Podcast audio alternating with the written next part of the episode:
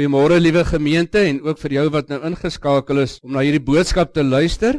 Mag die Here vir jou deur sy woord net so uitdaag en verander soos wat dit met Paulus op die pad van Damaskus gedoen het.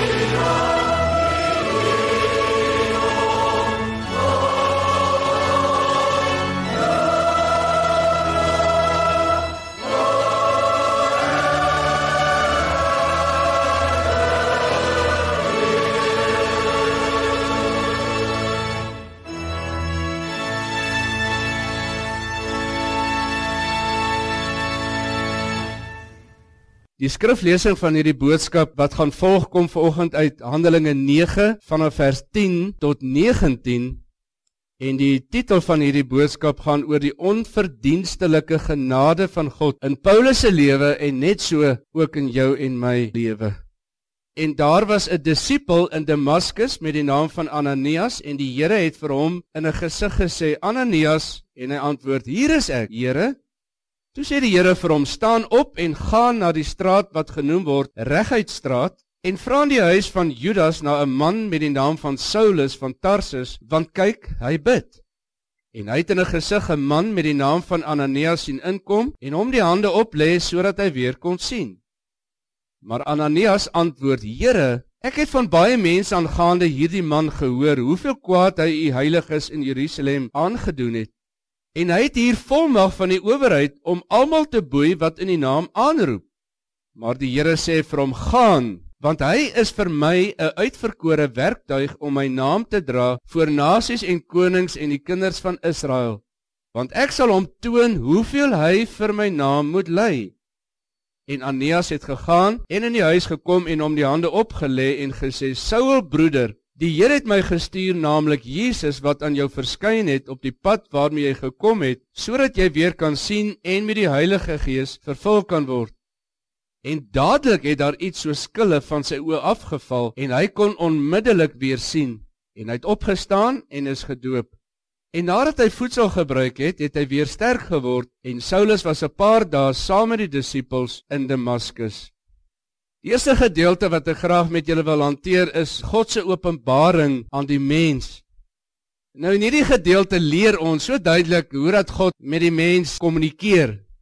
Hy het hier op verskeie maniere aan Paulus toe nog Saulus as ook Ananias met hulle gepraat en aan hulle verskyn Nou deur met die mense kommunikeer, maak hy hom natuurlik self tot 'n mate en ek sê tot 'n mate bekend want ons kan nie sy volheid in ons menslike liggaam aanskou nie, ons is te beperk. Met Saul het hy hom geopenbaar deur 'n stem, asook 'n skerp lig. Aan Ananias het God weer eens deur 'n hoorbare stem met hom gepraat en hy het geweet dit is die Here wat met hom praat. Nou in die Ou Testament het God op baie maniere met mense gekommunikeer, met hulle gepraat om aldus sodoende homself te openbaar en sy stem en sy boodskap aan hulle bekend te maak. Ons ken natuurlik die Bybel, die geskiedenis aan Moses, het hy byvoorbeeld deur die brandende bos met hom gepraat. Julle sal onthou met Biljam deur 'n esel aan Samuel as 'n kind nog met 'n hoorbare stem dat Samuel nie geweet het op daai stadium wie dit was nie en tog was dit die Here. En aan ander het hy deur profete gepraat, deur drome, gesigte en doen hy nog steeds vandag op verskeie maniere, maar Hebreërs 1 vers 1 sê vir ons en dit is baie belangrik. God kan nog steeds op baie maniere praat met die mens want hy is almagtig. Hy laat hom nie voorskryf nie, maar tog sê Hebreërs 1 vers 1 Nadat God baie keer en op baie maniere in die ou tyd gespreek het tot die vaders deur die profete, het hy in hierdie laaste dae tot ons gespreek deur sy seun. In die laaste dae praat hy natuurlik in hierdie laaste dae waarin ons leef van die Nuwe Testament. Nou vandag natuurlik is sy seun die lewende woord van God. Hy spreek dus hoofsaaklik vandag deur sy woord. Ek is bevrees dat baie mense nie die Bybel vandag erken of hanteer as werklik die gesproke woord van God nie en dit ook nie ernstig opneem nie. Met dieselfde intensiteit van spraak teenoor Saul sowel as Ananias, praat die Here voortdurend met my en jou as ons die Bybel lees. So as ek en jy die Bybel lees, is dit nie maar net 'n geestelike boek nie. Is dit nie maar net 'n Bybelse geskiedenis nie. Maar die oomblik as ek die Bybel oopmaak en ek lees dit elke keer, is dit God wat met my daai oomblik praat na mate ek dit natuurlik lees. Elke boodskap wat jy Sondag na Sondag hoor, is God wat praat deur sy diensneg met jou en my. Jy kan nie op geen stadium selektief wees om self te bepaal wat geld vir jou en wat geld nie vir jou nie. Wat gaan jy doen of wat gaan jy nie doen nie? Dis God wat dit bepaal en hy praat deur sy woord en dit wat hy vir jou sê en vir my sê is dit wat hy wil hê dat ek en jy moet doen. Met ander woorde elke keer as jy dis Bybel lees in jou stiltyd uit waar ook al en of jy sit in die kerk en ons lees die Bybel, is dit God wat direk met jou en my praat. Kom ons kyk dan net na God se opdrag wat hy gegee het aan Ananias. En geliefdes, ons moet baie mooi onthou dat as God met ons praat deur sy woord, is dit opdragte. Dis nie maar net dinge wat hy sê wat ek of jy hoef te oorweeg nie, dis opdragte en ons moet dit so hanteer. Nou die eerste aspek in die gesprek met Ananias is hoe persoonlik en hoe direk God met hom gepraat het. Hy noem hom by die naam. Is dit nie wat die profeet Jesaja van getuig in Jesaja 43 vers 1 wanneer hy beskryf hoe God vir Israel koester en sodoende ook natuurlik vir jou en my as sy geliefde kind nie. Daar staan maar nou so sê die Here jou skepper o Jakob en jou formeerder o Israel wees nie bevrees nie want ek het jou verlos. Ek het jou by jou naam geroep. Jy is myne. En geliefdes as kind van God is ek en jy nie maar net 'n getal of maar net 'n kollektiewe deel van sy nuwe volk nie. Ek en jy bestaan elkeen by naam voor hom. As hy na ons as gemeente kyk, as hy na ons oor die radio kyk na al die Christene saam, dan kyk hy nie na 'n klomp Christene nie. Hy kyk na elke een by die naam en hy praat persoonlik met jou en met my. Ek wonder of jy ooit gewonder het, hoekom is daar 'n geslagsregister in die Bybel opgeteken? Hoekom is daar dikwels mense wat by die name genoem word Sommige is baie onbekend, sommige kom net een keer voor in die Bybel, maar sy naam is daar. U sien want 'n persoon is vir God belangrik. Daarom praat hy met elke mens afsonderlik en daarom het die Here dit nodig geag om name in die Bybel vir ons op te teken. Mense is dus vir God belangrik. Hy werk deur individue. Al werk hy deur 'n groep om 'n sekere taak te verrig, werk hy tog daar binne met 'n individu. En al probeer jy soos 'n Jona van ouds weghardloop of soos 'n Moses vol verskonings. Geliefde God wil jou gebruik. Hy wil my gebruik. Hy wil elkeen van ons as sy instrument gebruik om 'n bepaalde doel te bereik wat ek en jy nie altyd weet wat dit is nie, maar hy wil jou gebruik. Nou wanneer God dan opdragte gee, dan wil hy dit aan die individu toevertrou. Moontlik maak sommige opdragte nie vir jou sin nie, Of dalk werk God met jou deur gebeurlikhede of omstandighede. Jy verstaan dit dalk nie dat daar dan en dan iets is waaroor die Here vir jou gesê het want dit kom nie vir jou by punte bymekaar nie. Maar tog as jy eendag terugkyk op jou pad, dan maak baie dinge vir jou sin dat God het 'n spesifieke doel in 'n spesifieke situasie met jou gehad. Hy het met jou gepraat, jy het hom dalk nie mooi gehoor nie. Maar as jy gedoen het dit wat in jou hart opgekom het, sien jy later dat God het wel op 'n sagte manier moontlik met jou wel gepraat. Jy sien mense is vir God belangrik. En hier sien ons dit in die fyn en presiese detail wat die Here vir Ananias gegee het. Hy gee vir ons 'n kykie in die hart van God, hoe belangrik ons vir hom is, maar ook hoe besorgd hy oor ons is, en net so kan die Here ook vir jou en my presiese detail gee. Ek wonder wie van julle het al in die Bybel geblaai en was verbaas gewees op 'n sekere stadium in jou lewe hoe presies die Here in detail in 'n vers vir jou in 'n sekere omstandighede praat asof die Here dit nou net geskryf het net vir jou. Baie keer voel dit miskien asof die Here ver weg is. Dit voel miskien asof jy nie duidelikheid het oor sy opdragte wat dit betref nie, maar tog handel die Here spesifiek en persoonlik. Wat baie belangrik in hierdie teks is, geliefde, is dit is dat God wys vir ons hier sy soewereiniteit in sy handeling. Dit ontvou hier in die woorde van Ananias. Ons sien hier presies die gebeure hoe God vooraf vir hom sê wat om te doen. Hy gee vir Ananias die presiese adres. Hy gee die eienaar van die huis se naam vir hom, Paulus se naam, maar ook sê hy vir hom dat hy besig sal wees om te bid. Hoe duidelik kan die Here net nie wees nie, geliefdes? En ek wonder baie keer is die Here dalk met jou en my meer duidelik, maar baie keer is ons so vasgevang in ons programme, in ons besige lewens dat ek kom dit nie agter nie want die stem was te sag of ek was te besig met ander belange in die tyd wat die Here met my gepraat het. Het jy dit al agtergekom baie keer as jy 'n stilte tyd gehou het en jy's gebed voor die Here, hoe jou gedagtes dwaal? Waar oomblik wat jy by die Here moes wees, kom jy agter jou gedagtes is ver weg. Of as jy die Bybel lees by dit wat jy behoort te lees. Jy sien dit is nodig dat ons soms onsself afsonder en die Here vra vir konsentrasie om te kan hoor en te kan weet wat hy vir my op daai oomblik sê. Maar wat hier belangrik is, is die feit dat Ananias se volle aandag by die Here was. Die Here roep vir Ananias. Ek glo jy het gemerk toe ek dit gelees het en dadelik antwoord Ananias: "Hier is ek." Liefdes, hoeveel keer het jy al aan jou gedagtes 'n besluit kon neem vir die Here gesê: "Here, hier is ek. Praat met my. Nou luister ek." En sluit alles rondom jou af sodat jy gereed kan wees om die Here te kan hoor praat. So hierdie reaksie van Ananias toon vir ons dat hy nou aandagtig geluister dit wat die Here vir hom wil sê. En daarom is dit so belangrik in ons lewens wat so gejaagd is, waarin ons so gewoond is dat alles is vandag kits. Alles is vinnig, die kos wat ons eet. Daar is nie meer tyd om dinge behoorlik voor te berei nie.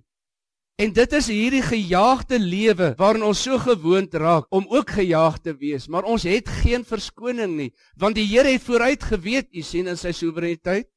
Die Bybel sê dit vir ons so duidelik in Efesiërs 5 vers 16 koop die tyd uit omdat die dae boos is. En is dit nie die tyd waarin ons leef nie? Met ander woorde, ek en jy het die vermoë as 'n rentmeester, ons moet ons lewe bestuur. Ons moet ons tyd bestuur. Ons moet weet wat is belangrik en wat is nie belangrik nie. Wat moet jy dalk los ter wille van die Here se saak om te doen dit wat hy van jou verwag? Net so skryf Johannes ook in 1 Johannes 5 vers 13: Dit het ek geskrywe aan julle wat glo in die naam van die seun van God, sodat julle kan weet dat julle die ewige lewe het en kan glo in die seun van God. Geliefdes, die Bybel is nie 'n geslote boek nie of in geheime skrif vir gelowiges geskryf nie.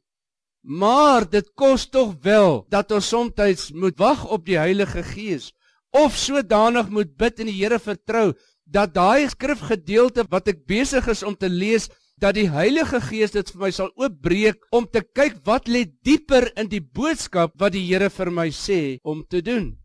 1 Korintiërs 2 vers 6 en 7 skryf Paulus: "Tog spreek ons wysheid onder die volwassenes, maar 'n wysheid nie van hierdie wêreld nie. Jy sien want hierdie wêreld het 'n ander wysheid, want die teks sê of hierdie wêreld se heersers wat vergaan nie, maar ons spreek die wysheid van God wat bestaan in verborgenheid wat bedek was en wat God van ewigheid af voorbeskik het tot ons heerlikheid. So daar's baie mense daar buite wat nog nie gered is nie, wat baie dinge in die Bybel nie verstaan nie. Want u sien vir hulle is dit 'n geslote boek, maar ek en jy het die Heilige Gees wat vir ons hierin lei om sy woord te kan lees en te verstaan. As ons dink aan Paulus toe hy nog Christen vervolg het, 'n skrifgeleerde man, 'n man van wysheid. Hy het hierdie evangelie verstaan op daai stadium nie. En tog het ons gesien die oomblik toe God deur sy gees sy oë aangeraak het, sy verstand aangeraak het, het Paulus skielik verstaan en het gesê hier is die evangelie. Christus is die Messias. Hy het gekom. Daar is 'n redding wat die Here gebring het en hierdie nuwe evangelie is wat hy moet gaan voordra Kom ons kyk na Ananias se reaksie hier want Ananias se reaksie is baie belangrik in hierdie hele verhaal. Alhoewel hy homself onmiddellik beskikbaar en natuurlik bereidwillig gestel het, is hy bewus van Saulus se agenda. Dis asof hy kan sê, Here, het u dalk die regte man hier beet? Here, dis hierdie man wat juis die Christen vervolg. Here, hierdie man het juis die goedkeuring om Christene te gaan gevange neem. Here, dit kan nie wees nie. Dis onmoontlik, Here, ek weet mos. Ek het gehoor, ek verstaan. Is dit nie enige normale mense reaksie nie? Wat ons hier moet raak sien, is die waagmoed wat Ananias gehad het en versigtig met die Here te argumenteer. Ons sien ook in die Bybel hoe Abraham met God gewaag het om met hom te redeneer en om te probeer keer dat hy Sodom en Gomorra wou vernietig het. Kom ons noem dit maar heilige argumente. Geliefdes, 'n heilige argument word alleen gebore in 'n kind van God se lewe wat 'n intieme lewe 'n noue verhouding met die Here het. Dat jy weet waar kan jy of tot op watter vlak kan jy met die Here in 'n heilige argument gaan? Want God is 'n heilige God en met respek moet jy hom nader met versigtigheid. Maar as jy hom werklik ken as jou verlosser en saligmaker en 'n verhouding met hom leef, dan weet jy, hy's ook jou vriend. Jy kan met hom gesels. Jy kan jou hartsbegeertes met hom deel. Jy kan jou begeertes met hom deel. Maar dan het jy verhouding met hom, dan verstaan jy amper as ware al sy hart omdat jy in 'n lewende verhouding met hom 'n pad gestap het al. So Ananias se waarneming is nie verkeerd nie. Want Saulus het 'n vernietigende gees in hom op hierdie stadium nog gehad voordat hy met die Here ontmoet het. Want sê Matteus 12 vers 33 nie vir ons dat 'n boom word geken aan die vrug wat hy dra. En hierdie slegte vrugte wat kenmerkend was in Saul se lewe op hierdie stadium deur sy optrede wat hy gehad het, was die onderskeidingsvermoë wat die Christene gehad het om te sê hierdie man het valse vrugte. Hierdie man het op daai stadium slegte vrugte gehad. Die Bybel sê vir ons baie duidelik, ook in Matteus 7 vers 18, 'n goeie boom kan geen slegte vrugte dra nie en 'n slegte boom ook geen goeie vrugte nie. Daarom is dit so belangrik dat die vrug in 'n Christen se lewe moet realiseer en tentoongestel word, omdat die Bybel ook sê dat ons is 'n brief wat die wêreld lees. Kom ons kyk dan vierdens na die Here se doelgerigtheid met Paulus. En hierdie gedeelte laat my hart klop want hierdie gedeelte wys vir ons dat geen mens wat te groot sondaar is wat God nie kan verander in die een kant en daar is niemand wat dink hy's nie goed genoeg vir die Here om gebruik te word en hierdie gedeelte wil die Heer vir ons wys dat hy werk teen alle logika of sal ek sê menslike logika. Vers 15 sê die Here vir Ananias Hy is vir my 'n uitverkore werktuig om my naam te dra voor nasies en konings en die kinders van Israel. Nou geliefdes, hierdie genadebewys van die Here is seker die mees onverdiende guns wat hy aan 'n sondaar kan verleen. Dit is die mees onverdiende guns wat hy aan enige Christen kan verleen as hy vir jou en my wil en kan en gaan gebruik met ons beperkthede. Want u sien sy krag word in swakheid volbring. En is jy sy krag wat die verskil maak in ons lewens. Dis juis hy wat vir ons die wysheid gee om te doen, om reg te kry dit waartoe hy ons geroep het en ons wil gebruik. Nou ons kan vir onsself dink dat Saul op hierdie stadium behoort eintlik straf te kry van God vir dit wat hy gedoen het. is dit nie regverdig dat God hom eerder sou gestraf het en dan te sê, "Oké, okay, nou het ek jou gestraf, nou kan ek jou gebruik nie." U sien, dit is die verdraagsaamheid van God. Dit is die liefde van God. Dit het God aan die wêreld bewys toe hy sy geliefde seun vir die wêreld gegee het sodat die wêreld gered kan word. Dit is liefde. Sonder om enigsins berou te toon of om genade te pleit, neem God die inisiatief. Roep hy vir Paulus red hy hom en hy verander hom in 'n oomblik. Ek wil amper sê 'n oogwink. En dan sê die Here vir Ananias hier, hy word geroep as dienskneg van die Here voor alle vlakke van mense in die ganse wêreld. En as mens kyk na die tipe mens wat Paulus nou moet gaan bedien as hy praat van konings en hooggeplaastes, dan is dit verstommend om te sien dat hierdie man wat 'n vervolger was, wat die werk van God gestuit het, tel God op tot so 'n mate dat hy die hooggeplaastes in die samelewing moet gaan bedien. Ons sou gesê het maar het hy dit verdien? Hoe kan God hom gebruik op so 'n geweldige hoë vlak van mense? Jy sien dit is wat God doen in enige mens se lewe. Dit maak nie saak van jou agtergrond nie. Dit maak nie saak van jou vuil verlede nie. God gaan jou nie ooreenkomstig jou verlede gebruik spaarsamiglik nie. God wil jou in die room van sy rykdom gebruik, afgesien van jou verlede, omdat hy jou verander en hy jou hoog ag. Maar wat nou die oë laat rek. Mense nou kan dink as die Here dan vir Paulus so hoog ag met hierdie nuwe roeping, as die Here vir Paulus so nuut maak, hoekom hierdie sin byvoeg dat ek gaan vir Paulus toon hoeveel hy vir my naam moet ly? En dit is hierdie saak wat baie min mense verstaan. Want u sien, hoe kan lyding deel wees van 'n Christen se lewe? Jy's dan juis 'n uitverkorene, jy's dan juis gered, jy het dan juis die Heilige Gees, jy juis gebed wat die Here gee dat jy enige oomblik kan roep, jy het geloof, noem dit. Jy het die volheid van God in jou lewe soos wat jy gered was om na die Here toe te kom en tog sê hy hier Lyding is deel van sy lewe. Nou geliefdes, dit is dit wat ons moet weet. Lyding is deel van 'n Christen se lewe. Dit is wat die Bybel vir ons sê. En daar's twee belangrike aspekte wat lyding as gegeewe in 'n Christen se lewe maak. Die een vind ons in die woorde van die Here in Lukas 9 vers 23. As iemand agter my aan wil kom, dis nou die Here wat hier praat moet hy homself verloon en sy kruis elke dag opneem en my volg. Weet jy ek weet ons lewens verskil, die intensiteit van ons kruis wat ons dra verskil. Sommige mense het miskien 'n week wat hulle kruis dra in hulle hele lewens weg wat hulle met die Here wandel. Dis nie die bepalende faktor dat jou lyding bepaal of jy naby die Here is of nie naby die Here is nie of dat jy 'n goeie mens is of nie 'n goeie mens is nie. Lyding is deel van ons lewe. Nou ek dink u sal met my saamstem as jy gaan kyk na Paulus se hele lewensgeskiedenis. Die pad wat Paulus gestap het, 'n godsman. Dit wat Paulus vermag het in die wêreld is tot vandag toe sigbaar en tot vandag toe is dit in die kerk werkbaar en ons beleef die vrug hiervan en as gevolg van Paulus se lewe, sy getuienis gee dit vir jou en my moed in hierdie lewe van vandag. Daarom is dit so belangrik dat ons sal weet dat die Here het gesê en hy sê ook ons gaan elke dag nie, maar ons moet gewillig wees en ons moet weet dit mag dalk elke dag wees. So wanneer lyding kom, moet ons besef dat die Here is besig om vir ons te wys dat ons is deelgenoot van hom. Die ander gedeelte wat ek hierby wil voeg is Lukas 14 vers 27.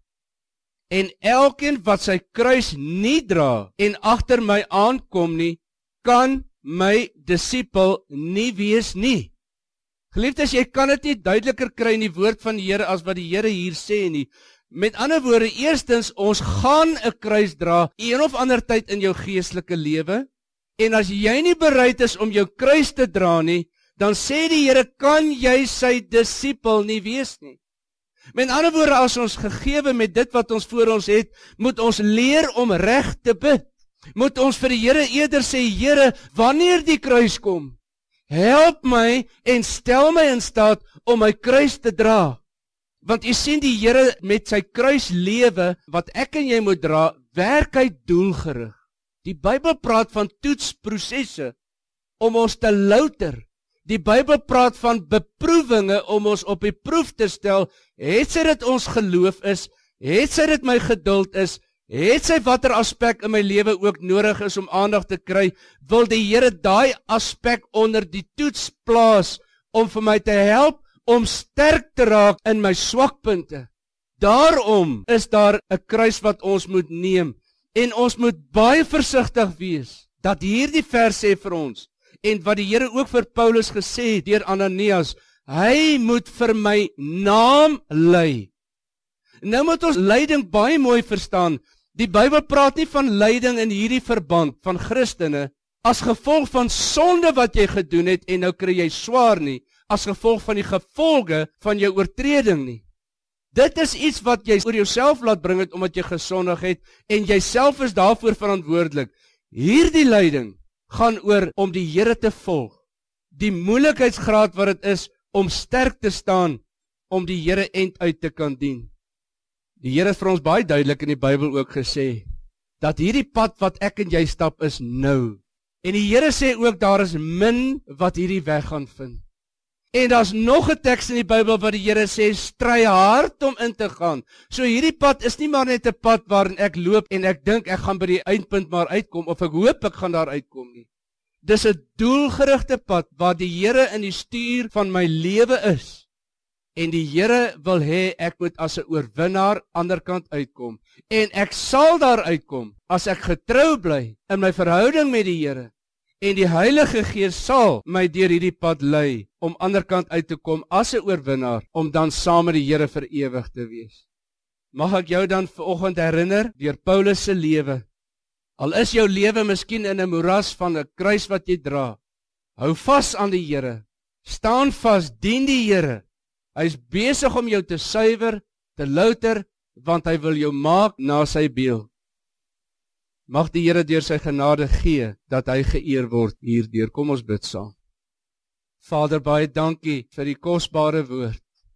Baie dankie Here dat ons nou vir u kan vra dat u deur u Heilige Gees die naprediker sal wees van hierdie woord. En Here, elke een wat dit hierdie oomblik gehoor het, wil ek hom vra, Here, As daar 'n gelowige is wat geluister het wat afgekoel het, Here wil U weer 'n vuur in so 'n persoon steek om U te dien, om end uit te stap. En Here bewaar ons dat ons nie wan 'n idee sal hê oor vervolging of oor 'n kruisdraande lewe nie, maar dat ons sal weet God werk doelgerig met sy kinders. Word verheerlik en ons bid dit in U naam. Amen. Kom ons gaan die slotlied saam sing tot eer van die Here.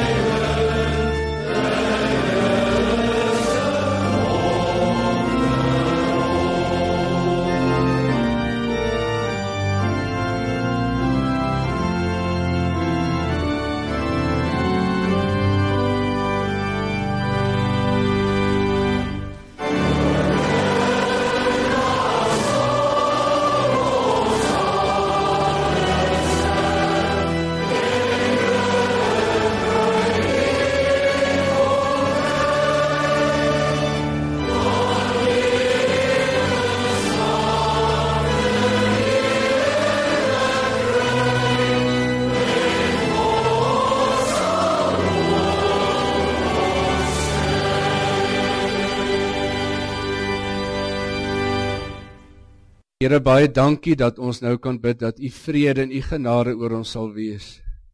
Verdaag ons in u vrede. Hou ons vas en dankie dat ons dit mag bid in u naam.